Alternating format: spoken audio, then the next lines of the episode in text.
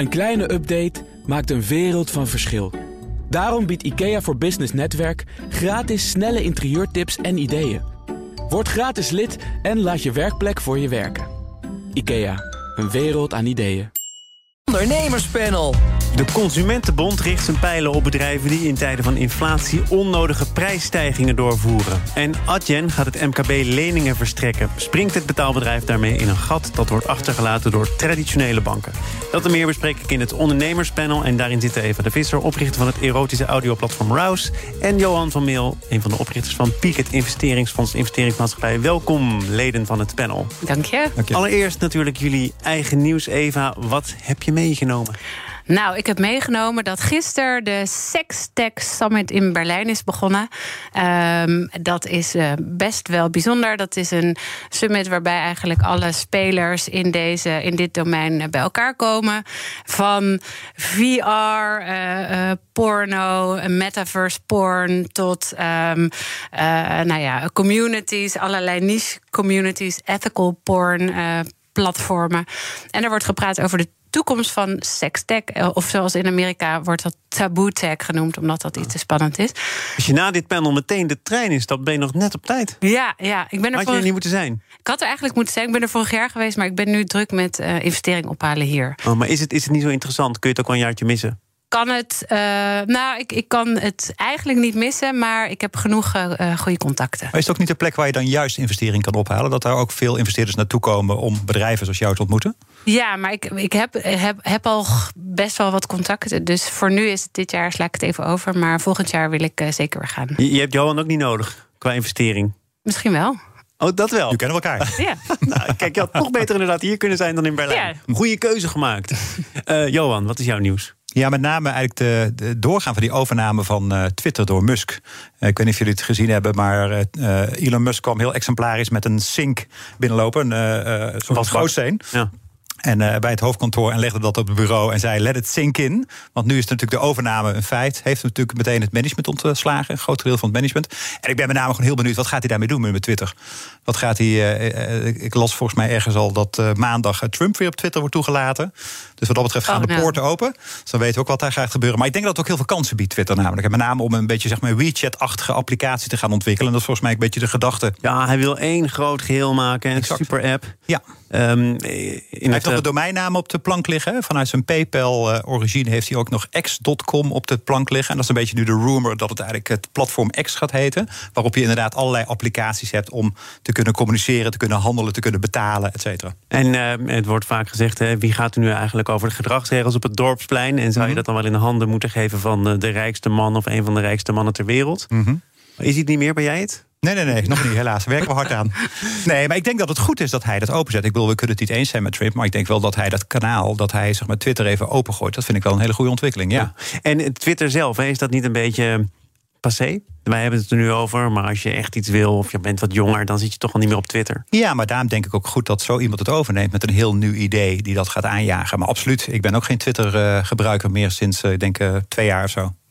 We gaan uh, naar het eerste onderwerp van dit panel. De Consumentenbond heeft een nieuw meldpunt geopend voor klachten over bedrijven die misbruik maken van onzekere economische situaties en de hoge inflatie om daar zelf beter van te worden. En ze noemen het eerlijk is eerlijk. En de bond richt zich daarmee op bedrijven die buitensporige, stiekeme of onnodige prijsstijgingen doorvoeren, waarvan de consument dan weer de dupe is. Woordvoerder Gerard Spierenburg van de Consumentenbond somt een rijtje methodes op. Verpakkingen die kleiner worden, hè, dus dat je minder inhoud krijgt terwijl de prijs gewoon hetzelfde blijft. Krimflatie noemen we dat. Uh, maar bijvoorbeeld ook uh, tariefverhogingen die uh, bij energiemaatschappijen die te laat worden aangekondigd. de terugleververgoeding die Eneco binnen vaste contracten wilde verlagen, wat tegen de regels was. Allemaal dat soort ja, trucs zou ik haast willen zeggen, die bedrijven soms uithalen om consumenten geld uit de zak te kloppen. Zijn dit trucs die bedrijven uithalen? Of kun je zeggen, Eva, dit is nou ondernemerschap? Oei, ja, dat vind ik wel een beetje een moeilijke. Uh, het, het is ondernemerschap. Ze mogen het doen. Het is niet verboden volgens mij bij de wet. Maar ik vind het wel. Uh, ja, waarom wordt dat niet beter gecommuniceerd? Dat, dat vind ik niet zo netjes. En daarbij denk ik, vooral bij de supermarkten, er is zo ongelooflijk veel geld verdiend tijdens corona. Ja, is dit nou per se op deze manier. Ja, moet dit op deze manier worden doorgevoerd? Dus vooral inderdaad die Um, kleinere verpakkingen vind ik, uh, vind ik wel heftig. Dan word je toch wel hard genaaid. Hè? Dan kom je thuis nou ja, en dan zit er gewoon een, een kleine zakje in je pannenkoekenmix... of ja. één bitterbal minder. Of ja. je, je, fles limonade is wat kleiner geworden. Precies. Ehm, maar dat is ook de kaart die de Consumentenbond ook speelt. Hè? Namelijk, die consument die heeft ook veel gepikt van bedrijven tijdens de coronacrisis. Liet abonnementen doorlopen, accepteerde vouchers, bleef toch komen. En nu heeft die consument het moeilijk. En wat gebeurt er? Het bedrijfsleven laat die consument in de kou staan. Is dat nou een hele terechte, eerlijke vergelijking? Of loopt die een beetje mank? Ik denk dat jij een mank vindt, vindt lopen. Nou, ik, ja, het is natuurlijk uh, sentiment allemaal. ik, ik, aan de ene kant denk ik van ja, god, inderdaad, die ene bitterbal minder. Maar uiteindelijk, als je het allemaal bij elkaar optelt, is het. Is het heftig en vind ik gewoon dat de communicatie daarover helder moet zijn, zodat je weet wat je met elkaar kunt vergelijken. Uh, en ik denk dat dat het, dat dat het belangrijkste is en dat dat het sentiment ook beïnvloedt. Dus we weten allemaal dat alles duurder gaat worden en dat hoe kloten we dat ook vinden, daar, uh, nou ja, daar, daar, daar uh, kunnen we op dit moment niet veel aan doen. Maar op een moment dat je dus het gevoel hebt dat je nog eens extra wordt genaaid, dan ja, kan, het, uh, kan het wel omslaan. het is met name heel transparant. Hè? Ik was bij mijn kapper van de week. Nou, je zou het niet zeggen. Dank je wel. inderdaad wat minder geknipt. Het ging komen. Ziet, ziet goed uit. Dank je, dank je. En mijn kapper die had zijn prijzen verhoogd van 55 euro naar 69,50. Dus ik zat het even met hem door te rekenen. 27% prijsstijging. Ja, dat is wel iets meer dus ik vroeg ook aan van, waar komt dat nou vandaan, die prijsstijging? Hij zei, nee, het is allemaal duurder geworden en zo. En ik, zei, ik had ook met hem over, joh, maar je, had, je zei net dat je geen gas had hier. Dus je hebt alleen maar kilowattuur. En je, je, je scharen, ja, die moet natuurlijk slijpen, dat is misschien iets duurder, maar 27% duurder. En dat zie je nu volgens mij in de markt. Het valt me heel erg op als ik dingen koop. Uh, en ik ben echt niet een enorme prijsbewuste uh, koper. Maar als ik dan kijk wat ik betaalde, dat is gewoon absurd wat de prijsverhoging nu Maar kom je een volgende keer nog? Of? Nou, dat was grappig, want ik ging natuurlijk een discussie aan met de kapper. En hij zei, oh, oh, oh, ja, dat is inderdaad wel heel veel. Ik zeg maar, wat... Uh, en hij zei van, ja, maar ik heb een onderzoek gedaan... bij andere kappers wat ze betalen. Ik zei, nee, maar dat is niet het punt. Het is de prijsverhoging die ik nou heb. Dus we hebben afgesproken dat ik even wat navraag ga doen bij vrienden... die een beetje vergelijkbaar profiel hebben. En dan vragen wat ze... En dat wordt de prijs die we volgende keer gaan betalen. Dus ik ben het oh, gesprek aangegaan met mijn kapper ook. Dus jij gaat al een lager bedrag betalen? Ja, natuurlijk. Ja, absoluut. Ja, nou ja, natuurlijk. Hij heeft tarieven vastgesteld en jij komt op... tarieven vastgesteld voor iedereen, maar ik ben een bestaande klant. Dus ik voel wel dat ik, als je dat aan kan kaarten... dan kun je vaak dat wel oplossen. Uh, Eva, jij moet het ook hebben van abonnementen, toch? Van subscription? Zeker, ja. Hoe duur is het geworden bij Rouse? Nou, onze prijs is gelijk gebleven, maar je krijgt eigenlijk meer waar voor je geld, omdat wij natuurlijk steeds meer verhalen op ons platform hebben staan. Ja, dat is dus eigenlijk is, het bij ons goedkoper geworden. Dat, dat, dat, dat, kan op de lange termijn toch ook niet? Jij hebt toch te maken met zaken die duurder worden, of niet? Nou dus ja, wij, uh, ons bedrijfsmodel zit sowieso nog even wat anders in elkaar dan, uh, dan, dan een supermarkt. Um, ik denk uiteindelijk op de lange termijn, hoe meer content je hebt op je platform, hoe meer producten je hebt, hoe op een gegeven moment moet het duurder worden. Maar dat is wel het mooie van zo'n abonnementsmodel. Dus dat het niet uh, per se bij ons nu, uh, nu duurder wordt. En wat betaal je voor als abonnement als ik graag mag als abonnee? Kijk, nu, nu spreekt de investeerder, hij is geïnteresseerd. Ja. je betaalt 4,99 per maand. Mm -hmm. Een jaarabonnement kost 36 euro. Mooi. Ja, mooi. Ik, ik, wil het nog even hebben over wat er nu in die verpakkingen zit. En of dat dan terecht is dat je daar meer voor betaalt. Of dat het vooral de communicatie is. Stel, je krijgt uh, nu zeven bitterballen waar je er eerst acht van kreeg. En je betaalt er hetzelfde voor. -hmm. Dan kan het natuurlijk ook zo zijn dat die zeven bitterballen echt net zo duur zijn als die acht van vorig jaar. Mm -hmm dat mag je dan toch wel zo doorrekenen? Is het puur de communicatie? Nee, ik denk, ik denk dat het ook een communicatiepunt is. Dat het ook, en ik denk ook dat het echt een verantwoordelijkheid is van de consument... om als je dingen koopt even te kijken van... ja, wat heb ik daar vorige keer daarvoor betaald? En dus, natuurlijk zul je dat niet weten voor alle bitterballen. Maar ik denk dat dat ook gewoon een gevoel is wat je zou moeten hebben. Wat ik zelf zie, is dat heel veel prijzen heel fors worden verhoogd zonder reden. Ik kocht laatst eh, voor mijn tuin een zak eh, kunstmest. Ja, je mag het niet gebruiken, maar ik had het wel nodig. En ik zocht inderdaad online op wat was de leverancier ook alweer. Zag toen een bedrag, ging het dat nu kopen. En het was keer vijf gegaan. Wow. één zak. En ik dacht van wacht even, dit voelt niet goed. En vervolgens ga ik ook naar een andere leverancier op zoek. En ik denk dat consumenten dat veel actiever zouden, zouden kunnen doen. Zouden kunnen doen, maar als je kijkt naar bijvoorbeeld eh, de laatste cijfers van Unilever, ik weet niet of je ze gezien hebt, maar mhm. die slagen er behoorlijk in om producten duurder te maken, om de omzet te laten stijgen. Ze signaleren wel wel, uh, wij maken de producten duurder, sommige klanten haken af, maar de bereidheid om dat toch te kopen, die is er nog wel degelijk. Ja, maar ik dus denk er is ook ruimte. Er is, er is absoluut ruimte, zeer zeker. En ik denk ook dat heel veel consumenten ook niet kijken wat er met prijzen gebeuren. Maar op een gegeven moment aan het eind van de maand zien van hé, hey, ik heb eigenlijk minder of geen geld over. We gaan uh, doorpraten over geld in dit ondernemerspanel. BNR Nieuwsradio. Zaken doen. Thomas van Zeil. Het ondernemerspanel bestaat vandaag uit Eva de Visser en Johan van Mil. Adyen gaat, net als Molly, bankrekeningen en leningen aanbieden aan het MKB. Het betaalbedrijf snoept op die manier weer een stukje van de markt af voor traditionele banken. En nu die steeds minder snel krediet verstrekken, kan dat wel eens goed nieuws zijn voor MKB-bedrijven. Eva, is dat wat hier gebeurt?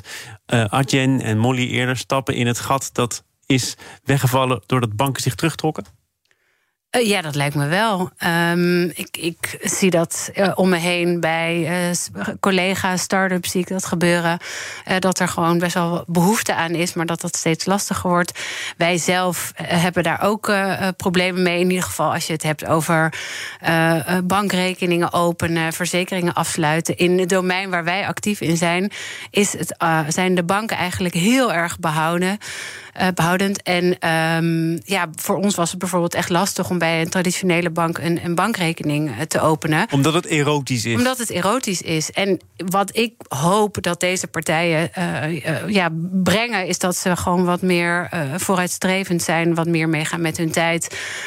en ook inderdaad ja, die, die ruimte die de traditionele banken laten liggen, uh, ja, ze zien gewoon dat daar behoefte aan is. Ja, die banken zijn natuurlijk terughoudend geworden. En ik zeg natuurlijk, ik snap dat jij er dupe van bent en een hele bona fide ondernemer bent. Doordat er in heel veel sectoren toch van alles aan de hand is en er steeds meer kosten worden gemaakt om alles weg te werken. De witwaspraktijken, de controles die verplicht zijn. Uh, ergens is het misschien begrijpelijk dat uh, banken, dan MKB'ers, niet meer meteen gaan helpen.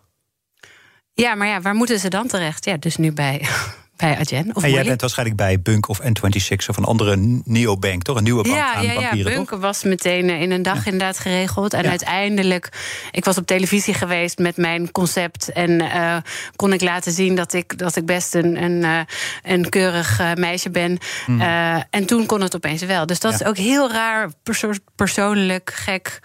eh, wordt, dat, eh, wordt er Uh, gemeten. Adyen, Johan, gaat dit nu doen via technologieplatforms. Hè, dus Mhm. Ja. via Lightspeed of eBay. Mhm. Waarom zou je die weg bewandelen? Ja, dat noem je embedded finance. Dat is sowieso een hele interessante markt. Dat eigenlijk, eh, ja, nu haal je financiering op en dat doe je eigenlijk helemaal los van de aankoop. En wat Adyen eigenlijk met haar technologie mogelijk maakt, is als je iets koopt. Dat je dan op dat moment het kan lenen of het kan huren of het kan in ieder geval de betaling kan faciliteren. Dus niet zozeer de aankoop, dat kun je natuurlijk al, maar wel de hele financiering. En dat embedded finance, dat is echt een enorm groeiende trend. Weet je, stel je voor, je ziet een huis en je wil dit huis kopen op Funda, maar daar kun je ook de hypotheek bijvoorbeeld direct regelen.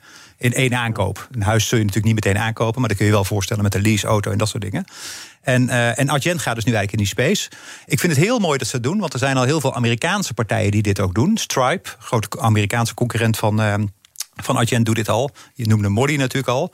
Maar met name de grote eh, eh, Amerikaanse tech-partners, tech providers, de Googles en de Apples, die doen dit ook al.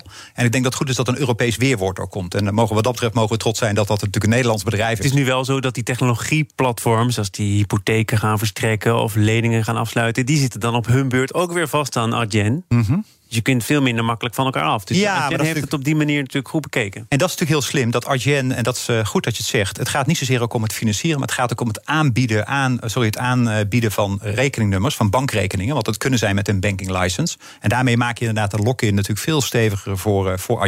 Dus, dus strategisch is het een slimme zet. Ik vraag me wel af of ze niet misschien niet een beetje te laat zijn... gezien wat er gebeurt in de markt. Maar ik denk wel goed dat het gebeurt. Hoezo te laat? Nou, dat die grote Amerikaanse platformen die bieden dit eigenlijk al aan.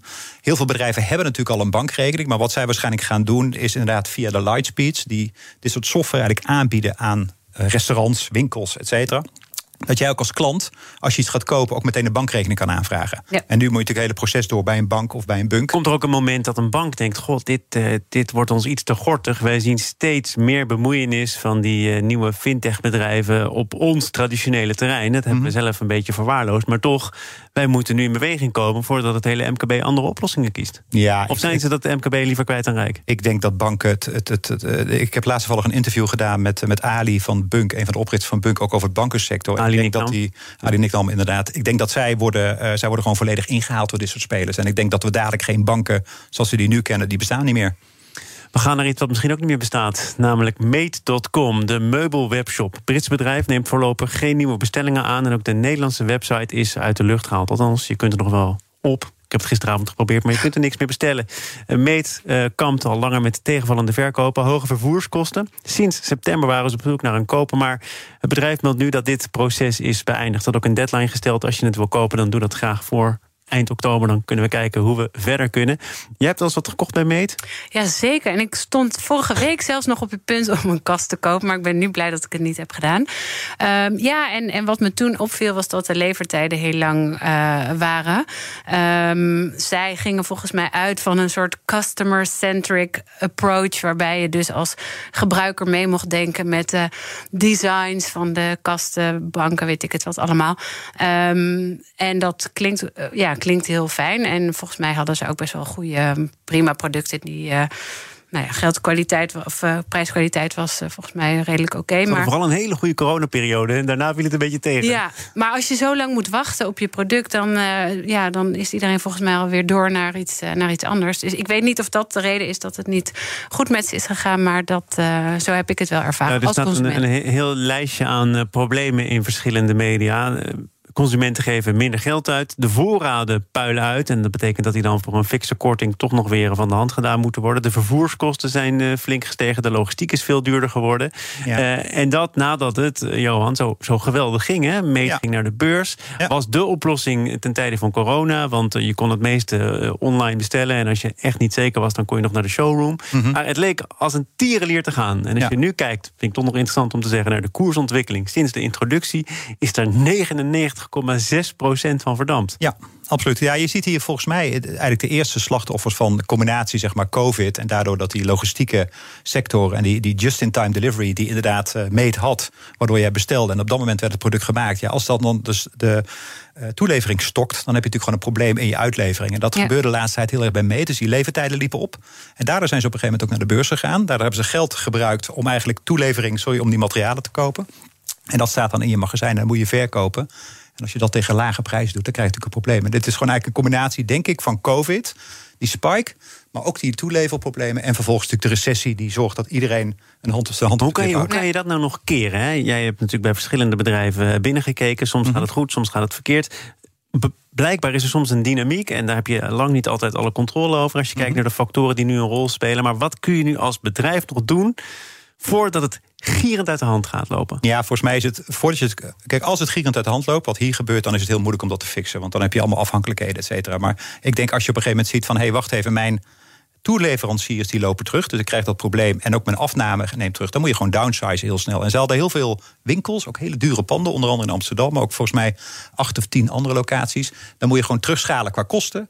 En een nieuw verdienmodel eigenlijk ontwikkelen. En maar als je dan op de beurs bent genoteerd. Ja en je bent groot, dan is het heel lastig om snel te pivoten, zoals je dat noemt, snel wendbaar te zijn. Dus dit is het einde van Meet? Het is het einde van Meet, volgens mij. Ja, ik zou daar het... niet. Uh, ik hoop, uh, je hebt gelukkig je kost niet besteld. Nee. Maar, maar is, het, is het goed om als je gaat verkopen, hè, waar ze kennelijk mee bezig waren, om dan een deadline te stellen en te zeggen: eind oktober, als we niemand hebben, dan uh, houd het op? Ja, ik denk, je moet ook duidelijk zijn naar de consument natuurlijk. Want anders hadden heel veel mensen natuurlijk hun spullen besteld. En het is natuurlijk een beursgenoteerd bedrijf, dat kun je ook niet voorkomen. Zij moeten daarin denk ik ook op een bepaalde manier transparant zijn. Maar je gaat natuurlijk wel druk opleggen naar de buitenwereld... van ja, dan willen we een bieding binnen hebben. En dat is niet gelukt, helaas. Nee, in, het, in het FD, om, om toch nog even door te gaan op die, die voorraden... vind ik wel interessant, stond een paar dagen terug... een groot artikel over de bezettingsschade van pakhuizen. Nog nooit zo uh, hoog geweest. Hè? Johan haalde het aan, just-in-time management... daar moesten we vanaf, het moest toch allemaal net wat anders... Ja, wat, wat, wat ga je nou doen als je als bedrijf zo ontzettend veel voorraden hebt en je blijft ermee zitten? Is dat dan uiteindelijk iets wat gaat leiden, misschien zelfs ook, durf ik bijna niet te zeggen, tot deflatie? Want ja, mm. je moet er wat mee. Ja. Wat denk ja. jij? Ja, geen, heel eerlijk gezegd, geen idee. Ik weet niet om hoeveel bedrijven het gaat en uh, uh, ja, of het alleen in bepaalde sectoren is. Um, maar ik kan me wel voorstellen als dit om een aantal hele grote spelers gaat, dat dat uiteindelijk wel effect zal, uh, zal hebben. Ja, dat kan niet anders. Daar laten we het bij voor vandaag. Dank voor jullie bijdrage aan het ondernemerspanel. Eva de Visser van het erotische audioplatform Rouse. Hier in Nederland druk bezig met een investeringsronde. Niet naar Berlijn. En Johan van Meel van Peak, investeerder. Kon niet beter. Wauw. Dank Dankjewel. voor jullie bijdrage. Zometeen de Oekraïne-update met onze buitenlandcommentator Bernard Hamel. Als ondernemer hoef je niet te besparen op je werkplek. Want IKEA voor Business Netwerk biedt korting op verschillende IKEA-producten. Word gratis lid en laat je werkplek voor je werken. IKEA, een wereld aan ideeën.